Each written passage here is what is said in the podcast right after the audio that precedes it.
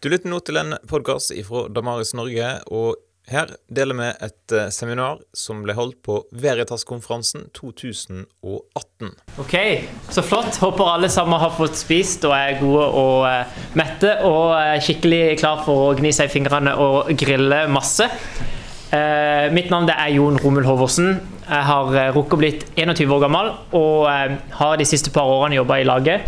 Mye med skepsisuker og eh, apologetikk-relaterte ting, som f.eks. Veritas-konferansen og litt sånne type ting. Eh, har vært med på utrolig mange sånne type grilling kristen som dette her før. Mm, de fleste av de har vært eh, ute på universiteter blant litt mer hva skal man si, fiendtlig, publikum enn en i dag. Uh, og jeg syns det er utrolig spennende utrolig givende å få lov til å være med på Grillen kristen blant universiteter på universiteter rundt om i Norge. Eh, og, eh, og, det er litt sånn som Lennox sa tidligere i dag, at, at, unge mennesker de bryr seg faktisk om de store spørsmålene. Er, altså, min bestemor tar feil når hun sier at alt det ungdommer bryr seg om, det er hvor mange likes de får på Facebook. For de bryr seg faktisk om de store spørsmålene. Eh, Eh, bare på min lille skole som jeg gikk på på videregående for et par år siden, så trakk vi eh, seks ganger i året så trakk vi over 300 stykk på, eh, på Grillen kristen, på en, på en, skole som har rundt 1000 elever. Eh, så det er faktisk sånn at, at ungdommer og, eh, og, sånt der ute bryr seg om disse store spørsmålene. Og Da er det viktig å ta de på alvor. Eh, så skal du få lov til å introdusere deg også. Uh, jeg heter da Leif Egil Reve. Uh, jeg er 30, så jeg levde litt lenger enn uh, Jon. til gjengjeld så har jeg vært kristen i ca. fem år. jeg var ateist fram til jeg var ca. 18. begynte å undersøke begynnelsen på universet og syntes det var fryktelig interessant. og det gjorde at jeg konkluderte med at vet du hva, jeg tror faktisk det fins en skaper-gud her. Eh, men fra da til at jeg ble kristen, så gikk det enda syv år. Og da begynte jeg å undersøke eh, historiske Jesus. Og det var nettopp f.eks. John Lennox som var eh, starten på den eh, undersøkninga. Så når jeg fant han på YouTube, så begynte det der. Eh, så det er veldig gøy for meg å, å se han her i dag. Yes. Veldig bra. Og så må jeg bare si det at dette formatet er sånn at vi er fullstendig avhengige av at dere faktisk tør å rekke opp hånda og stille de spørsmålene dere har. Eh, jeg tenker at Om det er én som setter i gang, så er det liksom, da er man over kneika. Eh, da er man over kulen, og da er det mye lettere for andre. Så vær frimodige. Se på dette her som en mulighet til å stille de spørsmålene du får av ikke-kristne som du syns er vanskelig å svare på, eller de spørsmålene som du går med selv. Kanskje har du lest noe i Bibelen som du syns virker utrolig, utrolig merkelig. Tør å bruke denne sjansen til å spørre. Og så skal vi svare etter beste evne. Eh, verken eh, meg eller Leif Egil. Nå kan jeg bare svare på meg, jeg vet ikke med Leif Egil, men jeg er ikke allvitende. eh, jeg går ikke rundt og kaller meg liksom The Bible Answering Man. Eh, det fins masse ting som jeg ikke har nok innsikt i til å kunne svare utfyllende eh, på. Eh, så det kan hende at i løpet av de neste tre kvarterene så kommer jeg til å svare Jeg vet ikke. På noen av de spørsmålene dere har, så kommer jeg selvfølgelig til å kanskje henvise dere til noen som, som kan svare. Eh, men eh, jeg håper virkelig at dette blir en stund hvor vi kan diskutere noen gode temaer. Om det kommer et spørsmål som vi svarer på, og så har du et tilleggspoeng eller et tilleggselement som vi ikke nevner, men som du har lyst til å dele, ja, kom an, trykk til. Eh, Fram med brystkassa, med hånda og så eh, delta inn i situasjonen. Det er mye kunnskap der ute som vi ikke har, eh, og det tror jeg bare vil tilføre noe godt. Hvem vil starte? Vetle. Ok. Eh, så spørsmålet er jeg må, Du skjønner jeg må gjenta det pga. mikrofonen og kamera. Så spørsmålet er ok, hvorfor skal vi bry oss i det hele tatt om Bibelen? Den er jo 2000 år gammel. Hvordan eh, i huleste kan den være relevant for oss i dag? Har jeg ja. Eh, for det første så hører man veldig ofte i det samfunnet vi lever i, at eh, Bibelen den er så gammel, den kan jo umulig ha noe for å si for oss nå. Eh, og da har jeg bare litt lyst til å angripe litt logikken i dette her. Eh, C.S. Lewis han tar et oppgjør med dette spørsmålet. Han kaller det for eh, 'chronological snobbery'. og Det betyr at eh, siden, eh, siden, noe er gammelt, skal vi derfor ikke bry oss om det. Eh, og så sier eh, John Lennox så fint, vi, vi diskuterte det tidligere, så sier han Well, if that's right, then I must be wrong because I'm old, sier han. så bare pga. at noe er gammelt, vil jeg kanskje ikke si at det handler eh, at, at det logisk sett strengt nødvendig betyr at vi ikke skal bry oss om det eh, i dag. Eh, det er det ene. Det andre er at Bibelen kommer med noen ganske vanvittige påstander. At det finnes en gud som ikke bare har skapt universet og trukket seg tilbake igjen, men som har vist seg gjennom historien, gjennom et folk, israelsfolket, gjennom en lov, loven, og gjennom en person, Jesus fra Nasaret. Um, og er litt der at uh, Jesus han gikk rundt og påsto at han var Gud, kommet som menneske, uh, og beviste dette med å stå opp fra de døde. Og når en mann påstår at han er Gud, kommet som menneske, og beviser det med å stå opp fra de døde, da bør jeg kanskje lytte til hvilke andre ting han også har sagt. Uh, og det er det man finner i Bibelen. og Derfor tenker jeg at jeg vil bry meg om Bibelen. Fordi jeg tror på en Gud som har skapt meg, og som har vist seg i Jesus, og som har bekrefta at han er Guds sønn ved oppstandelsen, og dermed har masse annet informasjon å oss fra han som har skapt oss sjøl. Altså det er litt sånn der at når jeg knuser denne her iPhonen, så må jeg gå til reparatørene eller de som på en måte har skapt den, for å både fikse den og, og også forstå mer av hvordan jeg skal bruke den. ikke sant? På samme måte så tror jeg at vi er skapt av Gud, derfor må vi også gå tilbake til Han som har skapt oss. Også noen ganger for å bli fiksa, men også for å forstå hvordan det er fungerer, hvilke, ting, hvilke vilkår er det jeg lever på. Um, så det er kanskje to ting som jeg har lyst til å si. Chronological snobbery, bare fordi at noe er gammelt, betyr ikke at vi ikke skal bry oss om det. Og jeg har lyst til å gå til den som har skapt meg, både for å bli fiksa, men også for å forstå hvilke vilkår jeg lever på. Uh, og jeg har litt sånn sympati for, for uh, den uh, tanken. Jeg, jeg, ser det sjøl. Altså, nå studerer jeg master i filosofi, og jeg blir litt sånn irritert når jeg ser liksom Hæ? Pensum fra før 2000? Hva, hva er dette for noe? Altså, det er altfor gammelt. Jeg vil ha ny, oppdatert informasjon. Uh, så, så, litt sånn uh, kan, kan, jeg relatere til, til den. Jeg er veldig fornøyd når jeg har pensum som er liksom ett år gammelt. Yes! Da vet jeg det er oppdatert. Men så er det også sånn at eh, det er mye gull i det som er gammelt. Eh, ikke fordi det er gammelt, men fordi det faktisk er mye av det som, som er veldig bra. Og, og hvis det var bra da, så er det kun om noe nytt som endrer det, eh, har kommet i mellomtida, at det slutter å være bra. Mm. Eh, så, så, det er litt sånn at eh, hvis det skal ha noe å si, om det er 2000 eller 1 million år gammelt, så må det være fordi nå har vi ny informasjon som gjør dette her ugyldig. Eh, og, og, vi ser særlig eh, et uh, argument som, som jeg og eh, Jon fremmer litt, uh, som, som, vi kaller for utilsikta sammentreff. Det er en sånn glemt skatt som, som var populær på 1800-tallet, eh, men som ikke lenger eh, brukes. Og så, som vi nå eh, begynner å bruke igjen.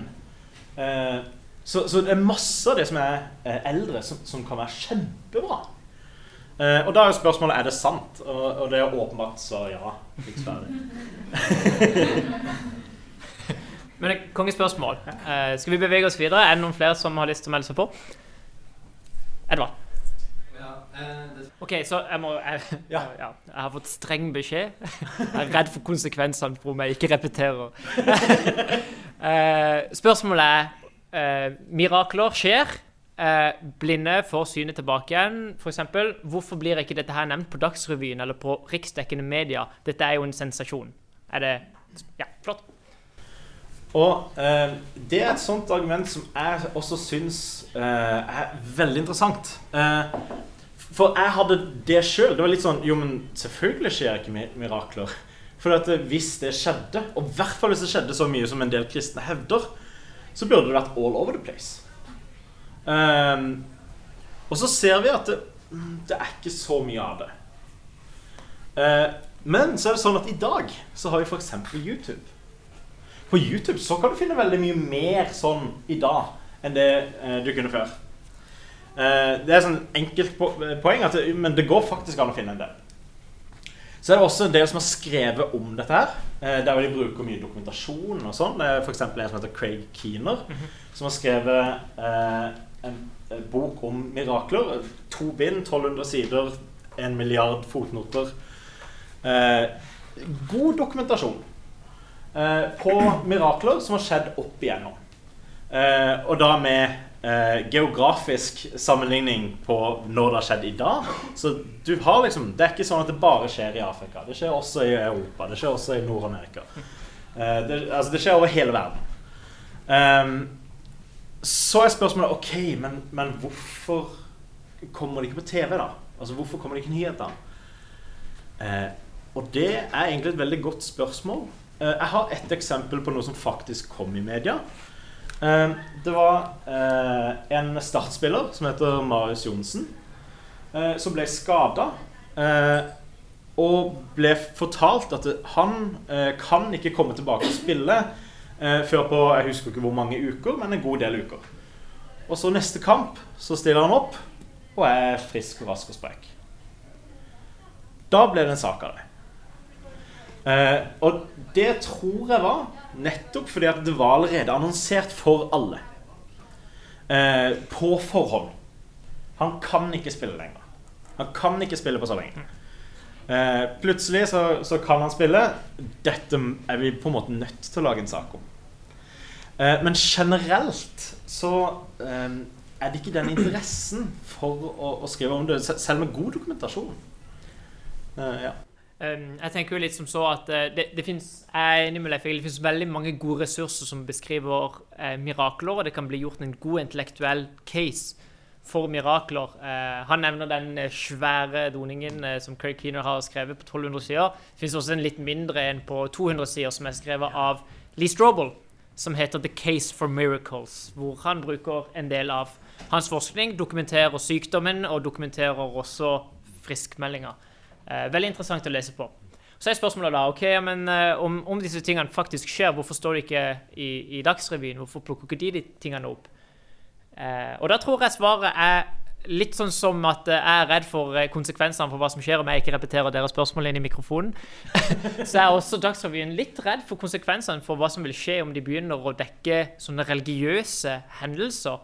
Eh, tenk for noen massive reaksjoner det vil være om Dagsrevyen tar en reportasje om en som hevder at han er blitt helbredet av Jesus. Det kan faktisk føre til at et program vil bli nedprioritert av en, et par grupper. Eh, så jeg tror at, at, sånne typer medier ofte vegrer seg litt for å ta, slags, ta, et slags religiøst parti i frykt om hvordan de blir oppfatta. Eh, jeg kan selvfølgelig ikke svare på vegne av NRK, men jeg kan se for meg at det handler mye om det. Samtidig så er det mye bra litteratur der som, som tar for seg mirakler. Eh, Craig Keeners in a Miracle, som du er supernær og har lyst til å lese masse. og Lee Strobel, Case for Miracles, som uh, du har lyst på. Om du er litt mer som meg, som vil på en måte ha, ha oppsummeringene. Jorunn? Jeg tenkte på, Er det ikke faktisk en NRK-dokumentar om Statsmannen? Har ikke han nå anerkjent eller på gått ut på at jo, det er Gud, det er Jesus, jeg er all kraften fra Gud, og jeg har helbredelse som noen kan oppnå? Det vet jeg ikke. Så, så det, det, er til og med flere dokumentarer om eh, Snåsamannen. Men det du vil se felles for alle de, er at eh, de tilnærmer seg spørsmålet veldig skeptisk. Eh, det de ikke hevder, er her har det skjedd et mirakel. Eh, selv der hvor de, de har nokså god dokumentasjon, så er det litt sånn Å, dette var underlig. Eh, så, så men, men, det er et veldig godt poeng. Altså, det er sånn at det faktisk kommer opp eh, og sånn som Case for Miracles er, er jo en populær bok, uh, i hvert fall i Amerika. Um, så, så, så, det er sånn at det, det er ting som, som, ikke Altså det er ikke så ensidig som det kanskje kan uh, virke nå når vi svarte. uh, så, så godt poeng. Flere? Jan? Hvis en, en person tar imot Jesus, da går han fra å være en synder Eh, til å bli rettferdig. Eh, men så kan han, det står bibelvers på begge deler at han, kan, han er synder og kan være rettferdig. Hva er det som er sant? Jeg vil si at det er sant for absolutt alle mennesker at vi står framfor Guds dom, vi står framfor Guds frede. Eh, vi er syndere. Ja, ja. ja. det var bare så sykt seriøst, og så hørte jeg bare latter. Ja, spørsmålet? Og bare jeg står her og prater om- Guds dom og Guds vrede, og så begynner folk å le. Det var noe kunstig over det. uh, spørsmålet var at um, en synder tar imot Jesus og blir kalt rettferdig framfor Gud, mens Bibelen både kaller oss for syndere og for rettferdige. Hva er sant av de to? Uh, og det jeg vil svare, det er at uh, jeg vil si at det ikke fins en, en motsetning. Uh, fordi at vi står Altså samtlige mennesker står eh, foran Guds dom og foran Guds frede eh, fordi at vi er syndere. Eh, det står i Romerne 3,23 at her er det ingen forskjell, for vi er alle syndere og mangler Guds herlighet. Dermed så står vi foran Guds frede og Guds dom. Eh, samtidig som at vi har en forløser, Jesus Kristus, og i han fins det tilgivelse for alle de syndene vi har gjort. Noe som gjør at vi kan eh, gå inn i den utvelgelsen som han har for oss, og dermed stå perfekt framfor Gud på dommens dag. Det betyr ikke at vi ikke er syndere, fordi at vi synder fremdeles. Det betyr at vi er ikledd Kristus som skyldfrie framfor Gud på dommens dag. Så vi er fremdeles syndere, eh, men vi er ikledd Kristus og hans rettferdighet, som det står i, i første kor 520. Eh, og og um, dermed så står vi feilfrie for Gud. Så jeg ser ikke en, en veldig sånn stor motsetning for det. Jeg er synder. Jeg gjør det hele tida. Nei da. Men, eh, men jeg er også rettferdig framfor Gud i Kristus. Spørsmålet er fra Første Mosebok, eh, tidlig Første Mosebok, hvor det står at Gud skapte mennesket, og før flommen så står det at Gud eh, angra på at han hadde skapt mennesket. Hvordan kan Gud angre på dette? Det er spørsmålet. sant? Ja, flott. Uh, og jeg tenker litt sånn at eh, Det er en av de eh, plassene der hvor jeg tenker at eh, OK, eh, hvis vi leser dette her eh, akkurat sånn som det står, så, så er det litt vanskelig å forholde seg til. Eh, hva mener jeg med det? Jo, jeg mener vi må ta det veldig seriøst, det som står. Eh, men eh, jeg tror at det eh, kan Altså, det kan godt tenkes at det, det som er, er at eh, det som beskrives, er noe med språket hebraisk som ikke nødvendigvis eh, kommuniserer så godt eh, akkurat det Gud faktisk gjør eller er, eller Fordi Gud er annerledes enn oss. Ehm, hvis det er sånn, så kan det være at angre er den beste måten å beskrive det på. Eh, men eh, at det ikke betyr, nødvendigvis at han har ombestemt seg at dette var den største tabben jeg har gjort. Eh, for, for hvis det er det som ligger i det, så blir det litt vanskelig. For vi vet også at han har planlagt alt fra begynnelsen av. Og det passer helt perfekt inn i den store fortellinga. Hvis han har planlagt at Jesus skal komme, at fallet skjedde eh, Det kommer også en dom midt i. Det kommer eh, flere små dommer i, eh, i midten. Og så kommer Jesus, frir oss, kommer, er løsninga. Og så kommer en endelig dom på slutten. Hvis vi ser det i det perspektivet, så gir det komplett mening. Da trenger han ikke ha ombestemt seg. Eller sagt 'dette er den største tabben jeg har gjort'. Det er derfor jeg angrer. Det han kan eh, si, er at dette her er eh, beskrivende, det å angre, i den form av eh, at det, det var ikke bra sånn som det ble, f.eks. Eh, men det var heller eh, eh, Og, og det, det, det, det dom gjør. Altså, dom tar jo oppgjør med det som er galt. Eh, og, og ingen vil si det at dom det er Eller mange vil si dom er veldig negativt. Jeg vil si dom i seg sjøl eh, eh, egentlig er en positiv ting. Eh, så, og, og derfor så er det angre om dom eh, er, er ikke nødvendigvis eh, negativt. så er det jo ofte det som blir sagt at, at når Bibelen sier at Gud angrer, så er ikke det nødvendigvis den samme formen som at eh, jeg angrer på at jeg kjørte for fort for to uker siden fordi at jeg fikk en sinnssykt svær eh, Hva heter det? Eh, bot av det. Eh, men, men mer som et menneskelig begrep. Husk at det er mennesker som har skrevet Bibelen, og det er mennesker som bruker menneskelige begreper for å forklare hvordan Gud forholder seg til noe.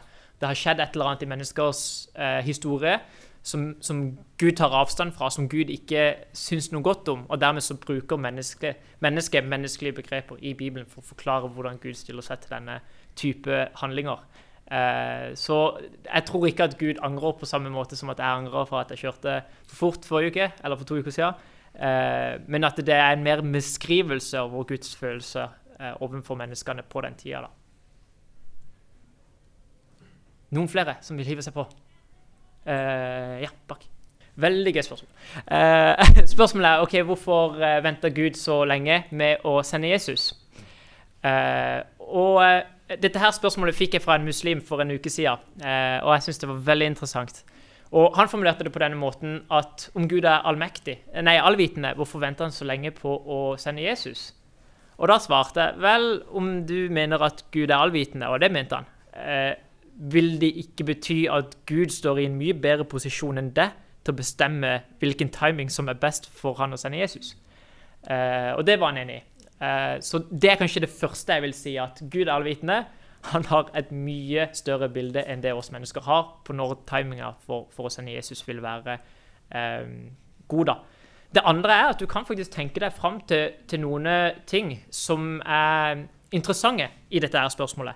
For det første, når Jesus kom, så eh, hadde romerne lagt kjempegode veier som gjorde det mye lettere for Jesus' sine etterfølgere å reise rundt og forkynne budskapet om han. Det var også kommet et felles språk, gresk, som var på en måte lingua franca, som var på en måte vår tids engelsk, eh, på en måte et sånn universalt språk, som også fantes i Midtøsten. Det var også kommet på Jesu tid. Eh, det fantes ikke før. Um, som også gjorde det mye lettere for evangelieforfattere og brevforfattere til å holde seg til ett språk, som kunne informere om hvem Jesus var, og hva han hadde gjort. Eh, så det er noen elementer som gjør det mer forståelig for hvorfor valg Gud valgte akkurat dette tidspunktet. Eh, og så er spørsmålet hva med de før? Hadde ikke de, eh, hadde ikke de en måte å bli frelst på? og det vil jeg si ja. De blir frelst av samme kriterier som vi blir frelst, nemlig tillit til Gud. Det står i Galaterne 3,6 at Abraham trodde Gud, og det ble regnet ham til rettferdighet. Så det er ikke sånn at alle som levde før Jesus, bare inn, for, gikk fortapt alle sammen. Eh, de hadde absolutt mulighet til å bli frelst gjennom tillit til Gud, på samme måte som at vi blir frelst gjennom tillit til, til Gud. Så eh, først og fremst, jeg tror at Gud står i en bedre posisjon enn oss å finne ut av når det passer bra å sende Jesus. Det andre er at man kan faktisk tenke oss til noen praktiske ting som gjorde det fornuftig å sende Jesus på den tida han gjorde. Og det tredje er at eh, ikke alle før Jesus gikk fortapt, men de, på samme måte som vi, blir frelst gjennom tillit til Gud. Det leser man om f.eks. i Galaterne 3,6. Nummer fire.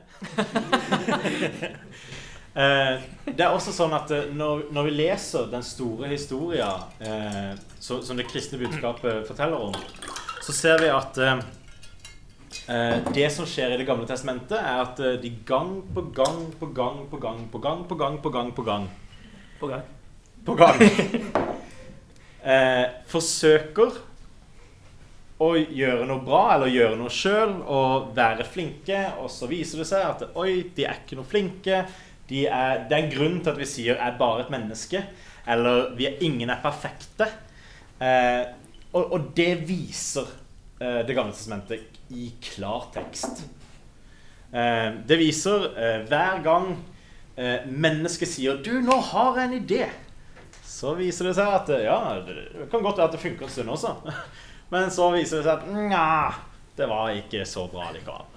Eh, og, og, det er liksom, Da får du fram et budskap. Eh, vi er ikke perfekte. Vi er ikke i stand til å ta Guds posisjon. Eh, og vi trenger Gud. Vi trenger Jesu frelse. Det, det kommer veldig klart fram, og treng, det trenger han tid for å vise. Eller det, eh, det, er hensiktsmessig med tid for å vise. Det er et veldig godt poeng. Tenk, tenk på loven og tenk på profetene som forberedte israelsfolket på Jesu komme. Loven som viste at vi var utilstrekkelige og trengte frelse. Profetene som peker direkte mot Jesus og hans person. Eh, så, så, jeg kan se for meg flere grunner til hvorfor, hvorfor det tok litt tid. Yes.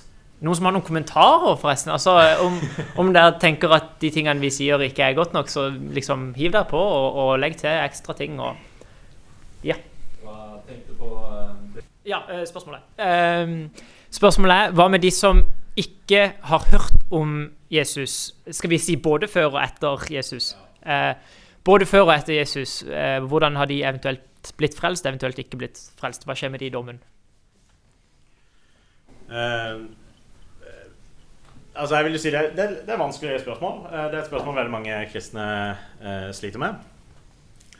Uh, jeg tenker litt sånn her at uh, ingen Når Jesus sier 'ingen kommer til Faderen uten gjennom ved meg', så tror jeg han bare sier en faktapåstand. Det han sier da, er at det er han som er dommeren. Han dømmer alle. Uansett hvem du er, så er det han som dommer. Og, og den faktapåstanden Det gjelder uansett om du har hørt om han eller ikke. Eh, så tror jeg heller ikke det er sånn at eh, det eneste kriteriet som er, er eh, om du har hørt om Jesus. Eller om du har tatt stilling til Jesus. For hvis det var det, så følger det veldig mye med. Da er det sånn derre OK, eh, du må ha vært i uh, Det er veldig stor forskjell på om jeg hører om Jesus fra Jon, uh, eller om jeg i, eh, er en eller annen plass er, som jeg aldri har hørt om Jesus, og så kommer det en og forteller meg Du, Jesus var egentlig en veldig kul type. Han var faktisk Gud. Og så tar jeg stilling til det. Eh, Da, da har jeg mangelfull informasjon. Det vil jeg også ha når Jon presenterer. Selv om han bruker veldig god tid på å presentere. Eh, Så spørsmålet er litt sånn eh, Det virker litt rart, syns jeg. Hvis det er sånn at eh, det bare handler om eh, Har du hørt om Jesus? Har du tatt stilling til Jesus? Fordi vi gjør det alle sammen på mangelfullt materiale. Eh, så, så det eh, synes for meg å være sånn at det kan eh, Det synes vanskelig om eh, alt står og faller på akkurat hva du har godtatt. For noen vil misrepresentere. Eh, når, til og med når du leser Bibelen, så vil du forstå feil. Eh, og hvis du avviser på bakgrunn av det, f.eks., så er jo det litt rart. Og så er jeg ikke helt sikker på hvordan jeg løser dette her. Eh, men, så så jeg, jeg vil ikke si at jo, jo, drit i misjonen, liksom. Eh, For det, det har vi kalt det. Så, så, så det bør vi absolutt gjøre. Eh, så, så, så jeg tror ikke det er noe sånn. Eh, det er absolutt bra om vi misjonerer, og om vi eh, forteller om Gud, og om Jesus og om Den hellige ånd. Og forklarer hvordan dette henger sammen, og det store historier og alt dette her. Det er bra. Eh, men men eh, det, er Gud, det er faktisk Jesus som gjør den avgjørelsen, ikke meg. Så, eh, Ja, og Det er et veldig vesentlig poeng. Jeg er veldig forsiktig i å uttale meg om hvem som er frelst hvem som ikke er frelst. Jeg, jeg, jeg sitter ikke i den komiteen. Eh, Det er liksom ikke opp til meg. Eh, Og når Jesus sier 'ikke døm', så er det veldig mange som tenker i dag at det handler om at vi ikke skal dømme måter å leve på og sånt. Og ja, det, man skal ikke gjøre det heller. Men det det egentlig betyr, er jo at vi skal ikke dømme noen til fortapelse eller til herlighet. Eh, Så det vil jeg være veldig forsiktig med til å begynne med. Eh, og så er jo spørsmålet okay, ja, hva, hva med de som aldri har hørt om evangeliet? Vil det ikke være urettferdig at de blir sendt direkte til fortapelse bare fordi at de geografisk er plassert der de er plassert? Eh, og, og magefølelsen min sier jo selvfølgelig ja. Eh, det vil være urettferdig. Og om det er én ting som jeg leser gjennomsyra fra side 1 til side, ja, siste side av denne boka, så er det at Gud dømmer rettferdig. Det er noe vi virkelig kan ha tillit til. Hvordan han gjør det, jeg vet ikke. Men jeg tror vi at, at vi kan ha tillit til at på den siste dag så vil det ikke være noen innvendinger mot den dommen han tar, for den er fullstendig rettferdig. Um, og, og mens vi snakker om dette her, så vil jeg si at uh, for min del så syns jeg at det gir mening, det som noen apologeter sier. F.eks. William Lane Craig sier det på denne her måten at Gud dømmer ut ifra det lyset han åpenbarer mennesket. Så Gud åpenbarer seg strengt, altså på mange forskjellige måter, men hovedsakelig to måter. Den ene er gjennom den spesielle åpenbaring, Jesus Kristus, og den andre er den, gjennom den generelle åpenbaring. Og det er skaperverket. siden vi er en del av skaperverket, så har han også åpenbart seg i oss. Eh, og da sier Craig at eh, ja, men da eh, kommer Gud til å dømme ut ifra det lyset han har gitt mennesker. Så om du er, ikke er blitt gitt den spesielle åpenbaring Jesus, så kan du heller ikke bli dømt ut ifra hvilken reaksjon du har til Jesus, for du har aldri hørt om han. Du kan ikke reagere på han. Eh, og for min del så syns jeg det høres mer rettferdig ut enn å si at eh, synd at du er født i Gambia. Eh, dermed så er det alt håp ute for deg. Eh, og, og da er det mange som sier ja, men hva med Romerne 10,9? Om du tror i ditt hjerte og bekjenner med din munn at Jesus Kristus er Herre, da skal du bli frelst. Ja, og det tror jeg. Jeg tror det er sant at om du bekjenner Jesus med, med din munn og tror i ditt hjerte, så skal du bli frelst. Men dette her er jo ikke en strengt tatt nødvendig årsak til frelse. Det er en tilstrekkelig årsak til frelse. Det er sant at når du gjør det, så blir du frelst. Men det står ikke at det er ene og alene det som får deg frelst. Hallo, tenk på Abraham. Abraham bekjente aldri at Jesus Kristus var herre, eh, men han ble regnet til, til rettferdighet, sånn som vi pratet om sist. Så det er noen få tanker jeg har om det. Hvem som er frelst, og hvem som ikke er frelst, det vil jeg ikke si noe på, altså. Mm. Ja. Eh, Hva med det at det er Gud som gir tro, og, og i forhold til ja, predestinasjon? da. Ja. Det var alt vi fikk tid til.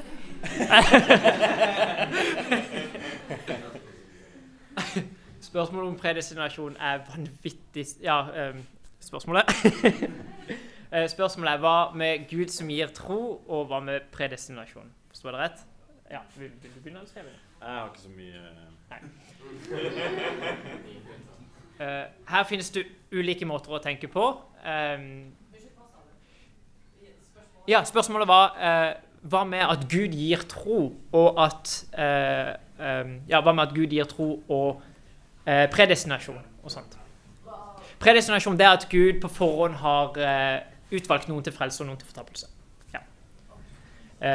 Og her finnes det ulike syn. Eh, noen eh, kaller seg sjøl for kalvinister.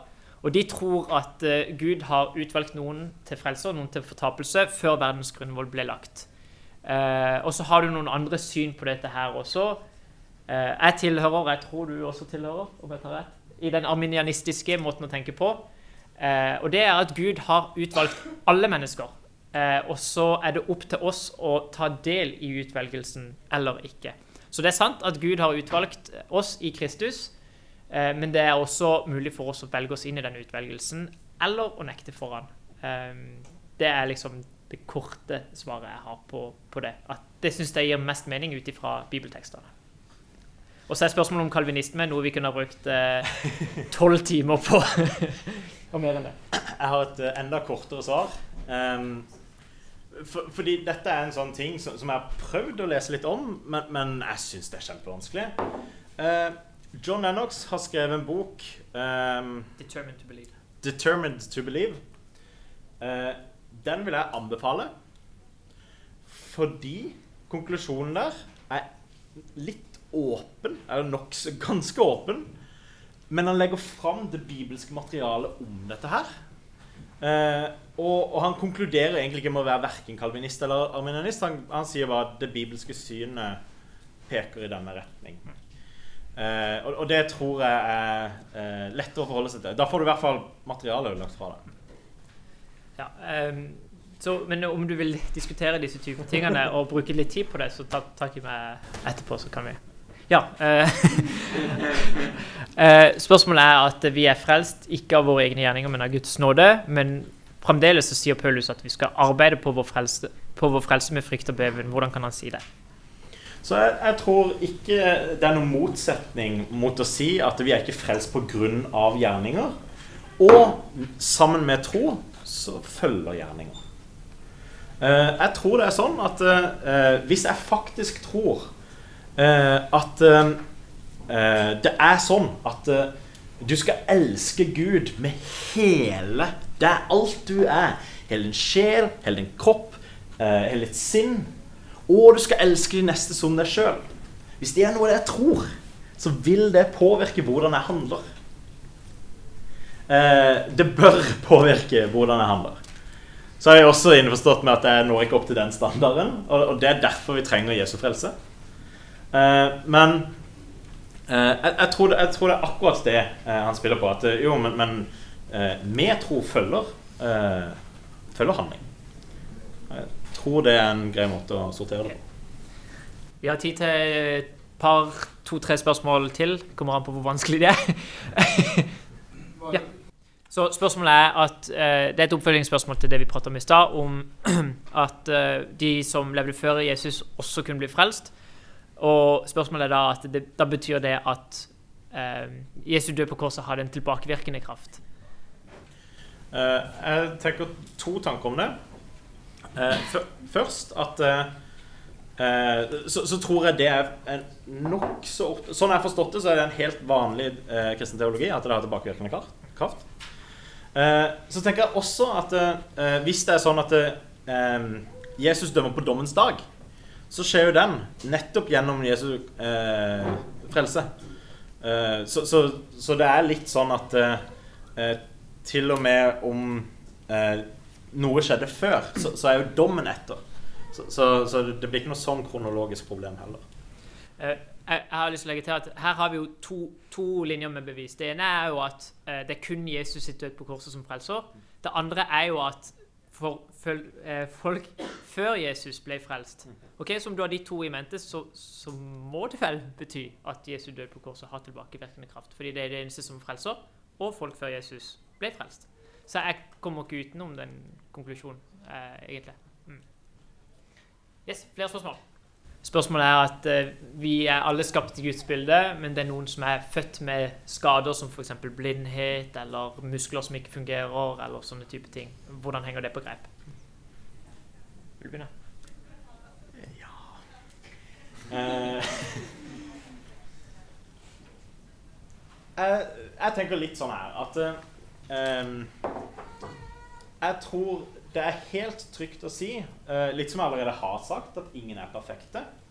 Og for å etablere det, så mener jeg også at eh, det perfekte, det er å faktisk elske Gud med hele deg og alt du er, og elske de neste som deg sjøl. Jeg vet i hvert fall at jeg sjøl ikke når opp til den standarden. Og eh, om, hvis det er noen som er villig til å rekke opp hånda og si 'det er meg', så er det helt greit. Men jeg har enda til gode at noen gjør det, og det ikke er kødd. Eh, og det er litt sånn at eh, eh, Da blir det litt mer sånn tilfeldig. Ok, Hvilke ting er det som eh, er kanskje utenom normalen, eller utenom det gode, kan man si. Utenom det perfekte. Eh, jeg tror alle vil være enige om at alle har eh, i hvert fall på det mentale. Og så er det noen som har eh, ja, I varierende grad. Eh, så så jeg, jeg ser ikke helt det eh, som et sånn eh, større problem. Men er det noe jeg misforstår? Uh, um, jeg jeg, syns at dette her er kjempevanskelig. Hvorfor noen folk naturlig sett har en, en skade eh, som de er født med, som de ikke kan gjøre noe for. Eh, jeg syns det er kjempevanskelig å prate om. Og eh, altfor uh, urettferdig å bare bruke tre minutter på det. Jeg vet at Morten Marius, som var i dette rommet før oss, har brukt en time på det. Så dra hjem og så se på det, eh, om de vil på en måte ha den store versjonen av det. Eh, men, men det som jeg opplever at Bibelen forteller oss, og dette her er egentlig et ondes, problem, eh, opplever jeg. Ehm, og, og dette er jo på en måte den vanskelige delen av det ondes problem. For det handler ikke om at eh, jeg blir sur på Leif og slår han, og at det er mitt valg, og, og at vi kan løse det med den frie vilje. Men dette her handler jo om naturlige problemer som, som kommer, eh, uavhengig av mitt valg eller ikke. Eh, og det kjappe, urettferdige svaret på det, som jeg leser i Bibelen, det er enkelt og greit at, at når jeg leser f.eks. Romerne 8, så virker det ut som at den synden som mennesket har gjort, er såpass alvorlig. Det er ikke bare en sånn pisle, bitte liten pusleting, men den er såpass alvorlig at den har ikke bare fått konsekvenser for menneskets forhold med Gud, den har også fått konsekvenser for hele skaperverket. Det står at skaperverket ligger under forgjengelighet og venter på at Gud skal åpenbare det. Så hele skaperverket som vi ser, det er i ubalanse. Det er langt ifra som det bør være. Og det får også konsekvenser på en naturlig måte på våre legemer. Som f.eks. sykdom, skade, eh, kreft osv. osv. Eh, og så kan vi leve i det fantastiske håpet om at disse tingene de får ikke siste ordet. De får aldri det siste ordet. Det er det Gud som får, og han skal skape alt på nytt. Ja. Selv om de må like måte ikke kanskje har en effekt, så betyr de har mindre verdi enn alle andre personer. Amen. Eh, ja. Ja. At de, eh, de eh, har ikke mindre verdi fordi at de er mindre skada. Mm. Nei, fordi at de er skada. Ja, godt poeng. Jon. Og så er det viktig for min del å si også at, at det svaret jeg ga nå, det kan på ingen måte gjøre de vonde tingene i livet ditt gode. Det er ingenting jeg kan si, det er ingenting jeg kan gjøre for å liksom gjøre de vonde tingene dine gode. Eh, men, men jeg tror virkelig oppriktig at de vonde tingene i livet mitt, i livet til Leif, i livet deres, ikke kommer til å få det siste ordet. Eh, og, og det kan være en trøst som gjør at vi enklere kan komme gjennom det som er vondt her i livet. Nå ser jeg på deg. Har vi eh, brukt opp tida? Dette her var veldig gøy. skjønner du. vi har brukt opp tida. Ja. Vi, vi blir her i hele kveld. Vi blir her i morgen. Gjerne ta tak i oss. Eh, håper dere har fått litt, litt ut av det.